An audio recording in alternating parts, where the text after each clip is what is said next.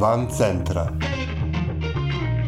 Podcast o ljudima koji ne sede skrštenih ruku.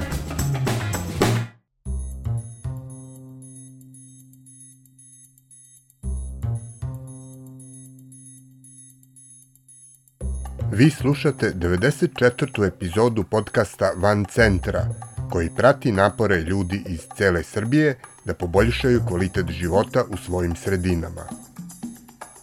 Najveća opština u Srbiji po broju stanovnika je Novi Beograd, a u njoj se nalazi i najveća mesna zajednica u Srbiji, Savski Kej, s neverovatnih 50.000 stanovnika. Kao jedinice lokalne samouprave, mesne zajednice bi trebalo da budu mesta gde građani mogu najdirektnije da utiču na rešavanje problema u svom neposrednom životnom okruženju i da pokreću inicijative u tom pravcu – pogotovo u najvećoj mesnoj zajednici u zemlji. Međutim, kad su se našli ugroženi megalomanskim planovima gradnje u njihovim blokovima, lokalni stanari su otkrili prosto neverovatnu činjenicu da Savski Kej nema ni osobu ni telefon za komunikaciju s njima, kao ni prostorije predviđene za rad ove mesne zajednice. Tako su iz nužde stanari pokrenuli inicijativu nazvanu zajednička akcija bloka 70 i 70A. O tome kako je ova inicijativa nastala, čime su se sve bavili i kako je izgledala njihova dosadašnja komunikacija sa raznim nivoima lokalne samouprave, u ovoj epizodi razgovaramo sa Majom Đurić i Petrom Stanićem iz zajedničke akcije bloka 70 i 70A. Saznali smo sasvim slučajno da su planirali izgradnja nekog velikog ogromnog mosta navodno biciklistu pešačkog u našem kraju. Tu smo sasvim slučajno saznali i onda smo ušli u te projektnu dokumentaciju i skapirali da to nije mali biciklisto pešački pasarela, nego ogromna muskurina koja je visoka, glomazna, potpuno neodgovarajuća. I onda smo ovaj, se raspitali sa ljudima koji su u struci u gradu i saznali da to treba da de facto postane novi ulaz za Adu što bi dovelo ogroman broj automobila kod nas u kraj i naravno tu je bilo planirana neka seča drveća. To je bila kap u prepunoj čaši jer e, ovde ne postoji nijedna institucija koja vodi računa o bloku poslednjih 30 godina. Mi smo tražili da nađemo nekog ko je predsednik mesne zajednice i opšte, da s njima kontaktiramo, nismo uspeli da uđemo u kontakt s njima.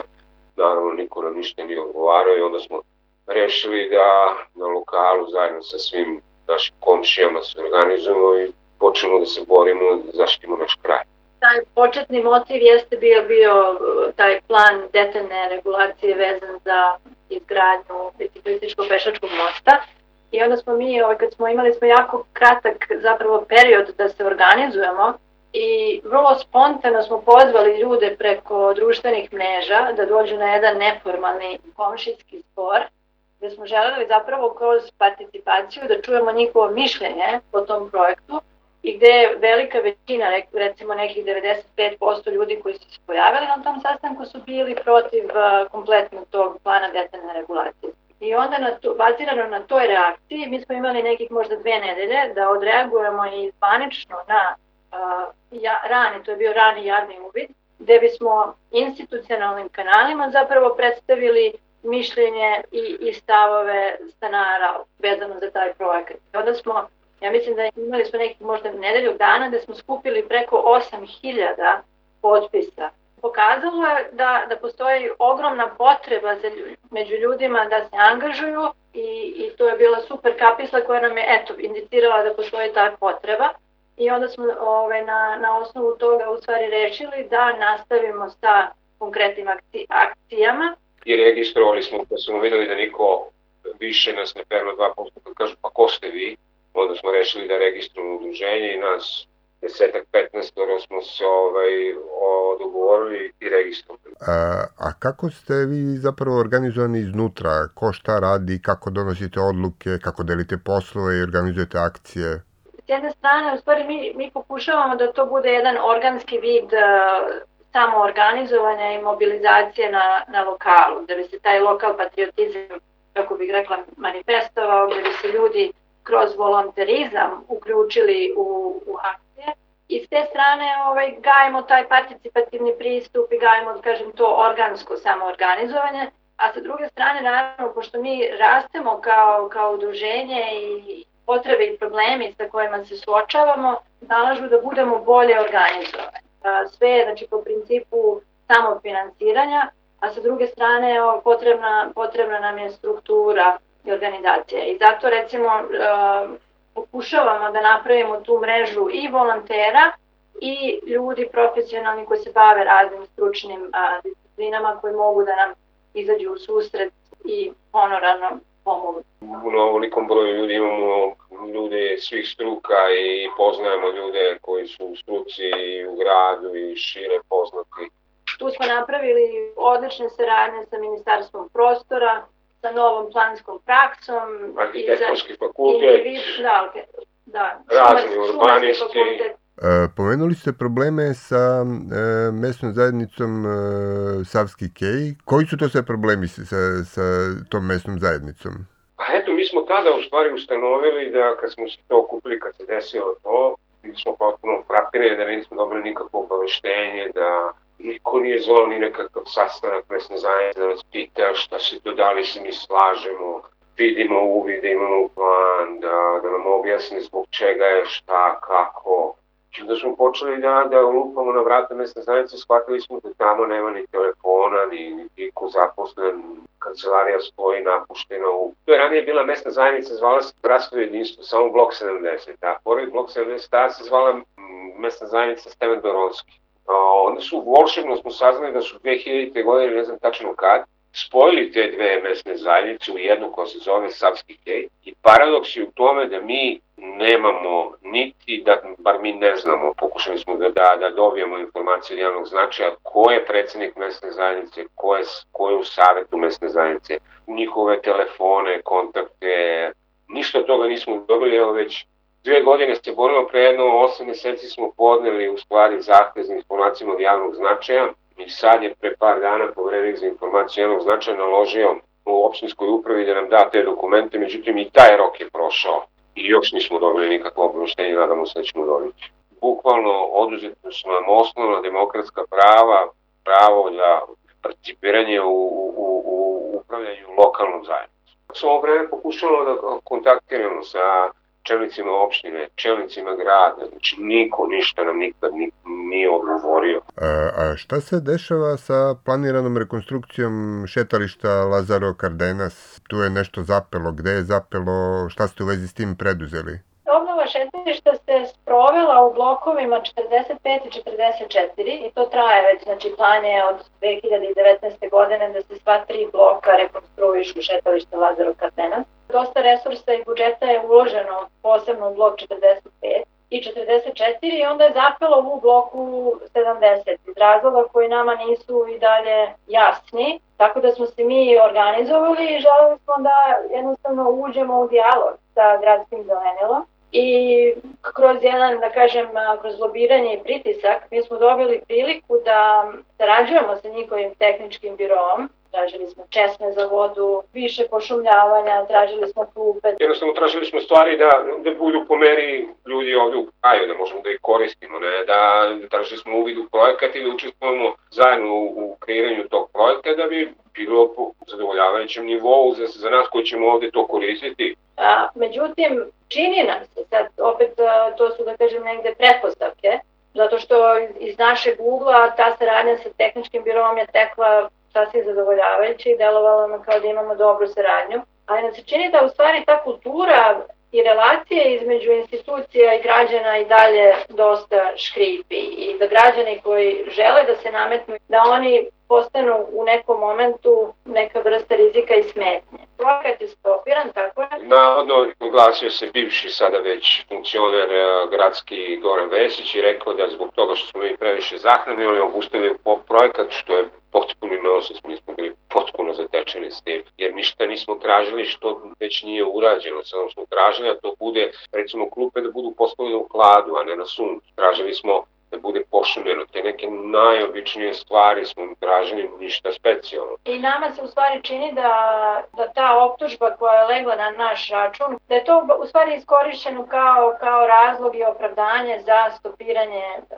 obnove, a, ra, a pravi razlog su verovatno novčana sredstva da, da. I dalje smo nastavili da vršimo pritisak. I nadamo se da će to sada se promeni sa promenama ovim koje se dešavaju na nivou grada, tako da ćemo i dalje insistirati na institucionalnoj saradnji, da sa, saradnji institucije sa nama. Gradsko zelenilo je na kraju dalo obećanje da će oni uraditi sve da se ta uh, obnova šetališta i realizuje uh, početkom sledeće godine. A nadamo se i pre. Vi ste organizovali brojne akcije unapređenja životne sredine e, u vašem komšiluku, pa da ukratko čujemo šta je to sve bilo.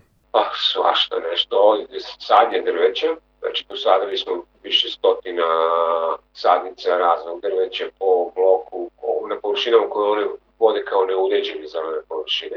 Imali smo više, imamo akcije čišćenja kraja, imamo akciju reciklaže, koju obavljamo na u 30-40 zgrada, znači gde ulazima imamo posude za odvanje papira i limenki, taj papir i limenke onda svaki vozi na ovaj, otkupno mesta i s tim finansiramo kupovinu sadnice i neophodnog alata. Skoro smo recimo imali uh, projekat uh, oslikavanja Keja, o zapravo oslikavanja separe, da, koja je bila u stvari zajednička sa ekipama iz Anaške i Savskog nasipa gde smo kroz to oslikavanje hteli da uh, ukažemo na, na važnost lokalne umetnosti, na važnost upiranja građana tim javnim površinama i vođenjem brige o javnim površinama, zato što vidimo opet da institucije i one koji su odgovorne za to ne rade svoj posao, mi smo ti koji u stvari treba da se mobilišu i da daju svoj doprinos i hteli smo kroz uh, tematsko oslikavanje da, da skrenemo pažnju na izuzetnu važnost, možda i najkrucijalniju pošumljavanja, znači urbanog pošumljavanja. Uh, ne samo zbog zdravlja i da kažem zaštite životne sredine, nego i zbog borbe sa klimatskim promenama koje su sve kao što vidimo intenzivnije i sve vizibilnije. Tako da to je recimo jedna tema od velike važnosti za zajedničku akciju. Očuvanje e, drveća i jednostavno razvoj u tog urbanog pošumljavanja. Mm, problemi sa kojima se vi suočavate zajednički su sa mnogim drugim blokovima u Novom Beogradu, a i sa drugim delovima grada. E, kako izgleda ta saradnja, e, na kojim se sve pitanjima povezujete? Kreiranje mreže na nivou Beogradski, Novobeogradske opštine kroz savske blokove i, i šire recimo sa Bežanijom, sa blokom 37, sa blokom 8 je e, strateški prioritet za nas. Vrlo ciljano radimo i razvijamo tu mrežu prvenstveno zbog principa solidarnosti. Znamo koliko je važno umrežavanje i udruživanje i koliko je taj kolektivan pritisak bitan da bi došlo do nekih uh, promena prva, da kažem, konkretna prilika i razlog zbog kojeg smo se okupili, na primjer, na nivou savskih blokova, tu pričamo o bloku 45, bloku 40, 70 i 70a, gde su se različite aktivisti neformalne inicijative okupile, je bila, bila, bio plan generalne regulacije. Zato što uh, ono što je taj plan generalne regulacije na javnom uvidu predlagao i, i forsirao je bio problem koji je bio od zajedničke važnosti, a to je izgradnja stambeno komercijalnih kompleksa unutar blokova. To je bilo za sanske blokove, da smo se mi organizovali, udružili, napravili smo jednu uh, neformalnu platformu i kroz nju smo u stvari skupili za tri dana 5000 potpisa, znači organizovali smo peticiju koja je išla uz našu tehničku primetbu na plan generalne regulacije i to smo dostavili.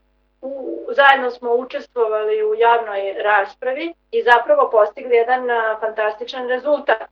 Te na kraju toga zaključak a, te javne diskusije i usvajanja plana generalne regulacije bio da se blokovi, savski blokovi zaključaju od bilo kakve dalje izgradnje. Sada gradimo mrežu na nivou opštine Novi Beograd sa, rekla sam, blokom 37, sa blokom 8, koji takođe proživljavaju iste probleme E, šta su zeleni koridori Beograda? Ideja zelenih koridora Beograda da se napravi linijski park Novog Beograda koji povezao Savski kej u blokovima sa Savskim kejom na ušću i mostovima sta, ostalim delovima grada i da se onda sa postojećom bicikliško-pešačkom infrastrukturom i infrastrukturom koja se radi poveže i naprave se ti zeleni koridori Beograda koji bi bili u stvari biciklističko-pešačke koridori kroz najlepše delove grada, uključujući i to pored sajma skretanje za košutnjak, da se poveže košutnjak s njim, da se poveže na onoj strani, da se povežu, da se naprave ovde preko tog starog ženičkog mosta, da se povežu ovi delovi Novog Beograda i na taj način da razvijemo održivu urbanu mobilnost, smanjimo upotrebu automobila, Pa mi smo radili idejno, idejni projekat, ispitali smo mogućnosti, angažovali smo veliki broj domaćih, bilo je čak i, i, i stručnjaka iz inostranstva, arhitekata i urbanista i plan je da se to nastavi. Mi smo shodno svojim mogućnostima dali tu inicijalnu kapisnu i nadamo se da će to sad naići na odziv ljudi u Beogradu i da ćemo moći da nastavimo sa daljim planiranjem. To je kroz generalni urbanistički plan ovaj kome pričamo sada, velika stvar je ubačeno. Htela sam samo malo širu sliku u smislu um, povezanosti između znači, našeg, naše reakcije protiv tog PDR-a za most koji povezuje omladinskih brigada i Adu Ciganliju i ovih uh, zelenih koridora. Mi imamo, da kažem, negde dva, dva puta koja, koja se negde spontano, a negde i, i malo a, fokusiranije dopunjuju. To je taj što mi zovemo kao krizni deo zajedničke akcije koja reaguje na sve ove neregularnosti, koja reaguje na bezbednostne rizike, na štetne projekte koje se forsiraju u, u blokovima. To su te peticije, to su ta, da kažem, neka vrsta konstruktivnih protesta. A sa druge strane, jako nam je važno znači, da damo doprinos u smislu, ok, ako ne želite ovo, šta je alternativa? Na koji način vi vidite da vaš grad i, ovo što mi predlažemo može da se uh, promeni na, na bolje? Tako da ta reakcija na most nije bila reakcija iz ugla punta na most, već smo mi u stvari analizom došli do toga da resursi koji su namenjeni za izgradnju tog mosta mogu, mogu mnogo efikasnije, mnogo bolje mnogo održivije da se iskoriste i tako je u stvari rođen taj alternativni predlog zelene koridora. Nama trebaju ti mostovi, kao što sam rekao, ne taj, samo nego svuda nam trebaju mostovi, ali prethodno mora da se reši pitanje problem parkinga, saobraćaja i svega ostalo što donosi sve to. A druga stvar je što mi pre toga imamo mnogo veće prioritete, jer se izgradnjom autobuske stanice sad ovde i, i, i ovih sinih naselja, ovde mi ćemo imati ogroman problem u saobraćaju, motornom saobraćaju i gužvama. Tako da će nam to omogućiti da smanjimo i taj negativni utjecaj. A šta biste vi voleli da se desi u vašoj lokalnoj zajednici kao rezultat vašeg dosadašnjeg i budućeg angažmana? Sad je tu neki, ja mislim, glavni naš cilj koji treba da bude je da vratimo tu mesnu zajednicu, instituciju mesne zajednice i da ti neki ljudi koji će biti na čelu te mesne zajednice i vojiti računa, da to bude neki posao za koji će biti plaćeni, tako da ne moramo mi, obični građani, da se odvojamo od svog slobodnog vremena i svega da bi te neke stvari organizovali i da bi na kraju krajeva mogli da iskomuniciramo sa institucijama koje su iznad te naše mesnozajedničke ovaj, šta je ono što mi želimo, to je šta ne želimo, kad želimo i kako želimo. Možda ja samo da, da pošaljem poziv i na kraj krajeva i apel institucijama da, da ne živimo u paralelnim svetovima, da krenemo što više u neke konstruktivne i zdrave saradnje, da ostvarimo normalni dijalog i da institucije imaju sluha za, za građane i da, da vide nas kao jedan važan kao, kao partnera i kao jedan važan resurs u borbi za bolje sutra. I to je ta, da kažem, promena paradigme i promena načina komunikacije između institucije i građana koja mora da se menja ako želimo da popravimo stvari u našem društvu.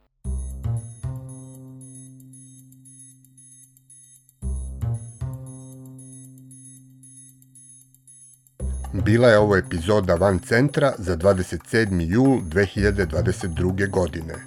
Redakcija sada ide na letnju pauzu, a nove priče o ljudima koji ne sede skrštenih ruku moći ćete da čujete u sredu 17. avgusta. A umeđu vremenu, dok se svet dramatično menja pred našim očima, čuvajte svoj i tuđe živote i ne ćutite pred glupošću i nepravdom. Van Centra je autorski podcast koji se realizuje uz podršku građanskih inicijativa. Stavovi izneti u emisiji nisu nužno stavovi redakcije podcasta Van Centra, niti udruženja građanske inicijative. Redakcija Katarina Đukić, Miodrag Mrkšić i Aleksandar Gubaš. Urednik i voditelj Aleksandar Gubaš. Muzika i Logical Beat i Ben Sound.